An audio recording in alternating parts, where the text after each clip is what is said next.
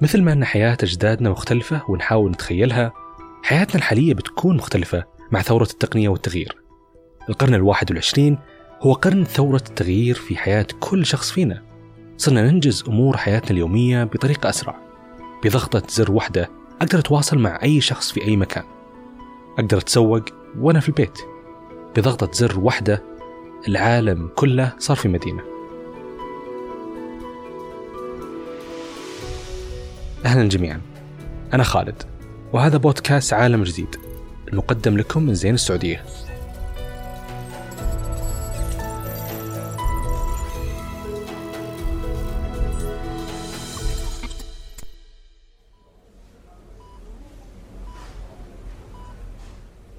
أم سارة بغرفة انتظار العيادة لموعدها كل شهر عند الدكتور محمد. دكتور محمد هو استشاري أمراض باطنية. أم سارة موجودة عشان تتابع ارتفاع ضغط الدم عندها. المشكلة أنها كانت ساكنة في ضرمة واللي تبعد 50 كيلو عن الرياض ولأنها أم سارة كبيرة في السن صعب عليها كل شهر تروح وتجي للمستشفى مسافة بعيدة وزحمة الشوارع لكن هالمرة في موعدها اقترح الدكتور أنها تحمل برنامج. بكل بساطة يقدر يتصل عليها بأي وقت ويتابع حالتها. وبكذا أم سارة ارتاحت مشاوير كل شهر وحتى جلسات انتظار العيادة. كل اللي عليها أن تفتح البرنامج وتتحدث مع الدكتور.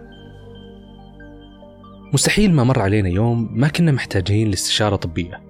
بس نشيل هم حجز مواعيد في العيادات وفتح ملفات وزحمة صالات الانتظار. لكن مع تطور التقنية في حياتنا صرنا نقدر نتواصل مع أي طبيب في أي مكان وأي وقت. كل هذا عن طريق خدمة التطبيب عن بعد أو تيليميدسن. اللي حصل مع أم سارة الآن أنها تقدر تطمن على كل الفحوصات اللي لازم تاخذها شهريا وهي في بيتها. وهذه هي أحد التقنيات في الرعاية الصحية اللي تتيح للطبيب متابعة المرضى عن بعد سواء في بيوتهم أو أماكن عملهم. وهالشيء سهل من جدولة المواعيد لكل من الطبيب وحتى المريض.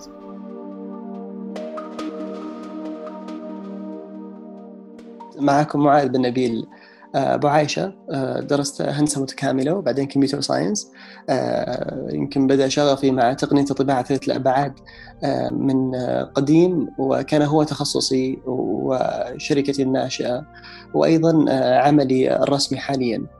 طبعا التالي ميديسن أو اللي هو التطبب عن بعد هي أحد التقنيات التي تستخدم كثيرا في في الآونة الأخيرة. آه، قديما ما كان يستخدم بشكل كبير ولكن مع تزايد عدد الأطباء اللي موجودين للتدريب وأيضا مع تزايد عدد المرضى في السنوات الأخيرة آه، اضطر الأطباء والمؤسسات الصحية إنهم يصنعون آه، فكرة اللي هو تطبب عن بعد للوصول لأكبر قدر ممكن من الناس ولتعزيز مفهوم الوقاية خير من العلاج. لأن غالب المرضى يكون عندهم إشكال في التوعية الصحية مما تؤدي إلى وجود الأمراض. فالوصول إليهم غالبا يكون صعب إن المرضى يروحون للمستشفيات أو يروحون للمراكز الصحية القريبة منهم فكون إنه الصحة تصل لهم لبيوتهم مع يعني الزمن اللي إحنا فيه زمن التواصل العالي بوجود الإنترنت وجود يعني محطات التواصل الاجتماعي تسهل هذا الشيء. فترة اللي هو كوفيد 19 كورونا الجديد كثير من المرضى يصعب عليهم الخروج من المنزل في حالات الحظر فوصول الطبيب عن طريق التطبيقات الحكومية مثل تطبيق صحة آه، تطبيق صحة يقدم استشارات عن بعد يتم يعني التواصل آه، بين ممثل الخدمة سواء كان طبيب أو مستشار المريض آه، عن طريق يعني إما صوت وصورة أو عن الرسائل النصية. غير كذا يمكن من أهم التطبيقات اللي موجودة حاليا هي آه، الوصول إلى المرضى آه، اللي وضعهم حساس. مثلا آه، في بعض المستشفيات اللي موجودة في ألمانيا أيضا في الصين استخدموا التطبب يعني عن بعد لكن بطريقة أخرى. طريقة دخول الممارس الطبي على المرضى اللي عندهم عدوى عالية في أماكن الحجر تسبب نوع من زيادة الخطر على المقدم الخدمة يعني كطبيب أو أو نرس يعني أو ممرض. فالإشكال هذا كبير جدا. فمجرد دخول روبوت الروبوت هذا يحمل يعني زي ما تقول تابلت فيه له شاشة معينة. والشاشة هذه تعرض شكل الطبيب موجود فيها يعني شاشة تعرض شكل الطبيب. يروح ويقدر يتعامل مع المريض بدون ما يكون داخل غرفة العزل. فهذه أحد الميزات المهمة اللي يعني تميزت فيها التطبب عن بعد في في هذه المرحلة اللي إحنا فيها. صارعت بولاكيلي الألم لمدة 20 سنة بسبب ارتجاع المريء. هو رجوع حمض المعدة على المريء اللي يسبب ألم بالحرقان. ممكن بعضكم شعر بالشيء هذا. أجرت بولا كثير من التحليل ولكن ما وجدت أي علاج يخلصها من الارتجاع. راحت لطبيب مختص آخر واللي شخص حالتها بأنها مصابة بالتهاب حاد في باطنة المريء. وسببه هو المدة الطويلة اللي كانت بولا تعاني فيها. والخطر اللي أمامها كان أنها ممكن تصاب بسرطان المريء. قرر الطبيب هنا إجراء عملية جراحية لإصلاح صمام العضلي للمريء. وخلال 24 ساعة فقط بولا عادت لبيتها بصحة أفضل وتقول إنها أخيرا قدرت تاكل كل الأكل اللي انحرمت منه لسنوات بسبب ألمها. المرضى في وقتنا الحالي صاروا أقل خوف وقلق من العمليات الجراحية. لو رجعنا لتاريخ الجراحة وأدواتها كانوا المرضى يتعرضون لضرب بمطرقة قبل اكتشاف التخدير. وكمان أدوات حادة تعرض المريض لنزيف كميات كبيرة من الدم. كانت غرفة الجراحة ذاك الوقت تشبه غرفة الإعدام. تطور الطب ووصلنا الآن للروبوت الجراح دافنشي. هو أول روبوت يقوم بعمليات جراحية يتحكم فيه الطبيب عن بعد. يملك دافنشي أذرع خاصة تتمكن من إجراء العمليات الجراحية الدقيقة بدون جروح عميقة. وهذه الميزة ما تترك أثر جراحي للمريض ولا تعرضه لنزيف حاد. حتى أن وجوده بالمستشفى ما يتجاوز 48 ساعة على عكس الجراحة التقليدية اللي تصل لمدة أسبوع. حركات الجراح الآلي أكثر دقة على عكس يد الإنسان اللي يصيبها ارتعاش أثناء التركيز اللي يميز الجراح الآلي أيضا هو وجود كاميرات تضاعف حجم المنطقة بعشر مرات واللي تتيح للجراح البشري الرؤية الواضحة خصوصا لعمليات القلب والكلى وغيرها.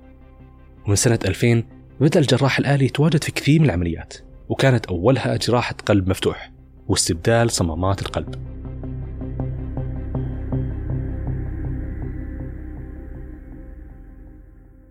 طبعا بالنسبة للتقنيات في الجراحة هي من منذ القدم يعني لم تكن فقط يعني الأدوات الجراحية هي الجديدة تقنيات كثيرة تستخدم منها تقنيات التتبع وغير التقنيات اللي هو التصاوير يعني ال biomedical imaging التصاوير الصحية هذه من ال CT scans وال MRIs وال PET scan وال EEGs وال EKGs غالب الأجهزة اللي موجودة في غرفة العمليات هي تقنية بحت لكن بالنسبة للجراحات البعيدة آه، في جهاز آه، أصدر قديما اسمه دافنشي دافنشي هذا عبارة عن جهاز يقوم ببعض العمليات منها عمليات كلمتم اللي في المثانة أو عمليات في اللي تكون العضلة فيها يعني آه، صغيرة والمكان يكون جدا دقيق.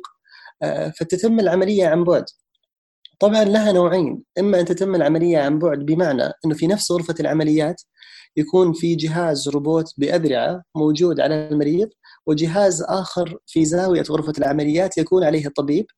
الفكرة إنه الجهاز هذا الطبيب يقوم بالعملية فقط عن طريق الجهاز بس مش على طول على المريض. آه، بحيث إنه الجهاز يحاول آه، يكبر له المنطقة الصغيرة. ويكون الطبيب يقوم بالعملية في الزاوية في الجهاز الفيرتشوال هذا في الجهاز الافتراضي. ولكن الروبوت يقوم بتصغير حركة يد الطبيب في العملية. فهذا نقول عن بعد لكن في غرفة واحدة. وأيضا تمت تجربة العمليات عن بعد من مدينة إلى مدينة لكن كان خطرها عالي بالنسبة لل... لسرعة الإنترنت يعني أو سرعة التواصل. فمتى ما كان عندك إشكال في الإنترنت ممكن راح يسبب إشكال آه، في العملية. لكن العمليات من النوع اللي نسميه الداخلي اللي يكون الطبيب موجود في نفس غرفة العمليات وأيضا الروبوت موجود على المريض في نفس الغرفة. يعني أثبتت نجاحها وتمت بشكل كبير جدا. صحيح، هل ذكرت نقطة مهمة كيف إنه الإنترنت كان عائق جدا في استخدام الجراحة عن بعد، هل تحس الآن مع تقنية ال 5G بحكم إنها السرعة أفضل، استجابة لكل آه، أمر آه، يطلب في استخدام 5G يكون أسرع بكثير، هل تحس إن هذا ممكن يحل المعضلة هذه ونشوف إنه استخدام جراحة عن بعد ممكنة؟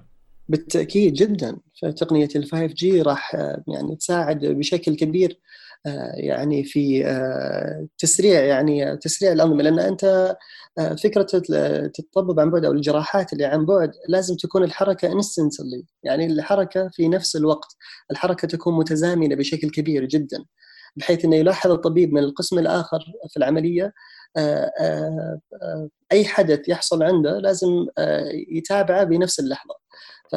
5G أكيد راح تساعد في سرعة التزامن لكن الفاكتور الآخر أو المعيار الآخر هو يعني قوة الإنترنت ليس يعني جودته. 5G جودة عالية لكن قوته ما يكون يتقطع أو ما يكون في شيء ممكن يأثر عليه. شفنا الطباعة ثلاثية الأبعاد في صناعة الألعاب وقطع السيارات وحتى بناء البيوت وكثير من المجالات. لكن هل ممكن نطبع أعضاء بشرية؟ أنيليا فقدت 80% من فكها العلوي. كان بسبب تعرضها لمرض السرطان عافانا الله. ما تبقى لها فقط إلا أسنانها الخلفية. خضعت لعملية زراعة فك مطبوع ثلاثي الأبعاد. الحمد لله نجحت العملية. وقدرت أنيليا ترجع ثقتها بشكلها وتأكل بشكل طبيعي. سبحان الله كيف فكر الإنسان في خلق حلول تقنية مثل الطباعة البيولوجية تنقذ البشر معاناتهم؟ بدل ما أنها تعاني بسبب هذا الفقدان تم طباعة الجزء المفقود لها وتركيبه. لما نسمع كلمة الواقع الافتراضي يجي بان النظارات الخاصة بألعاب الفيديو. الواقع الافتراضي موجود كمان بالطب. الآن بعض المستشفيات للأطباء يمديهم أنهم يسووا العملية كاملة في واقع افتراضي بيئة آمنة قبل أنه هم يسووها على ال patient بحيث أنه هي تفادي أي أخطاء طبية ومعرفة إجراءات العملية. طالب الطب الآن MD يشوف عملية جراحية كاملة حاصلة في جدة 360 درجة وهو ما يحتاج إنه هو يقعد بعيد. تقنية الواقع الافتراضي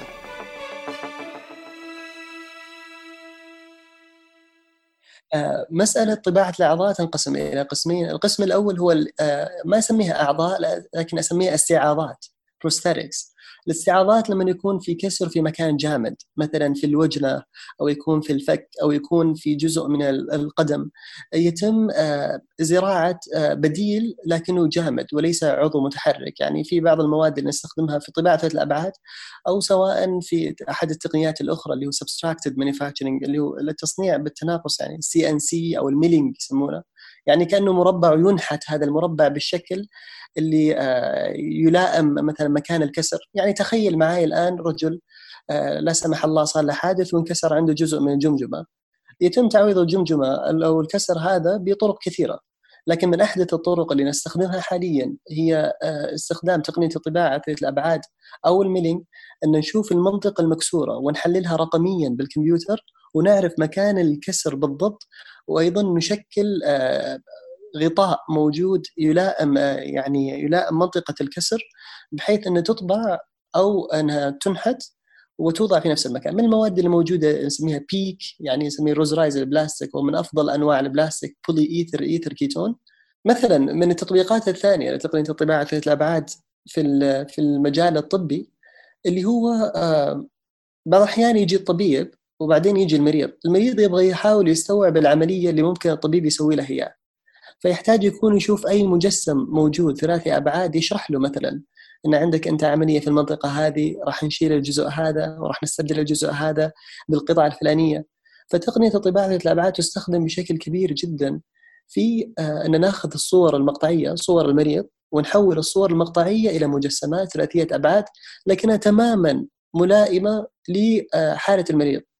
بحيث انه الطبيب لما يجلس مع المريض ويحاول يشرح له العملية يجيب معه القطع الملائمة تماما لحالته ويقول له مثلا لا سمح الله عندك ورم في المكان الفلاني راح نستأصل الورم من المكان الفلاني وراح نحط قطعة بديلة موجودة هنا بحيث إنك تساعدك آه، يعني على الحركة بعد مثلا ستة شهور أو سبع شهور من هذا القبيل.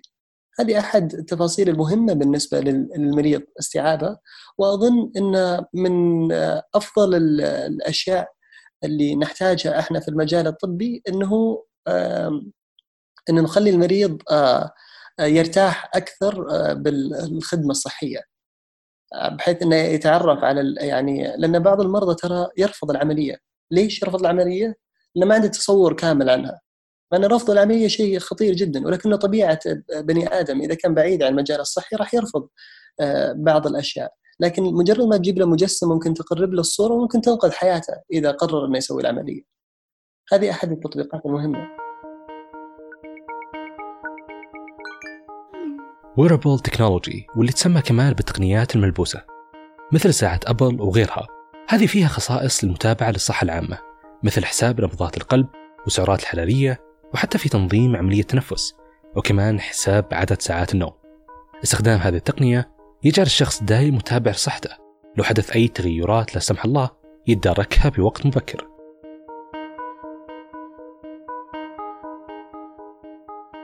الصحة هي أثمن ما يملكها الإنسان لأن بدونها تتعطل حياته بأكملها. التكنولوجيا قدمت الكثير لإنقاذ أرواح ملايين من البشر من طباعة الأعضاء البشرية والعمليات الجراحية عن بعد واللي تتطلب سرعة بالاتصال بالإنترنت واستجابة عالية. ومع إطلاق الجيل الخامس واللي تميزت فيه شركة زين بأنها تملك أكبر شبكة جيل خامس في الشرق الأوسط في 27 مدينة. خدمت كل هذه التقنيات في المجال الصحي. نتمنى أنكم استمتعتوا بالحلقة. لا تنسوا مشاركتها مع من هم مهتمين في هذا المجال. كان معكم خالد قنيعة. دمتم بخير.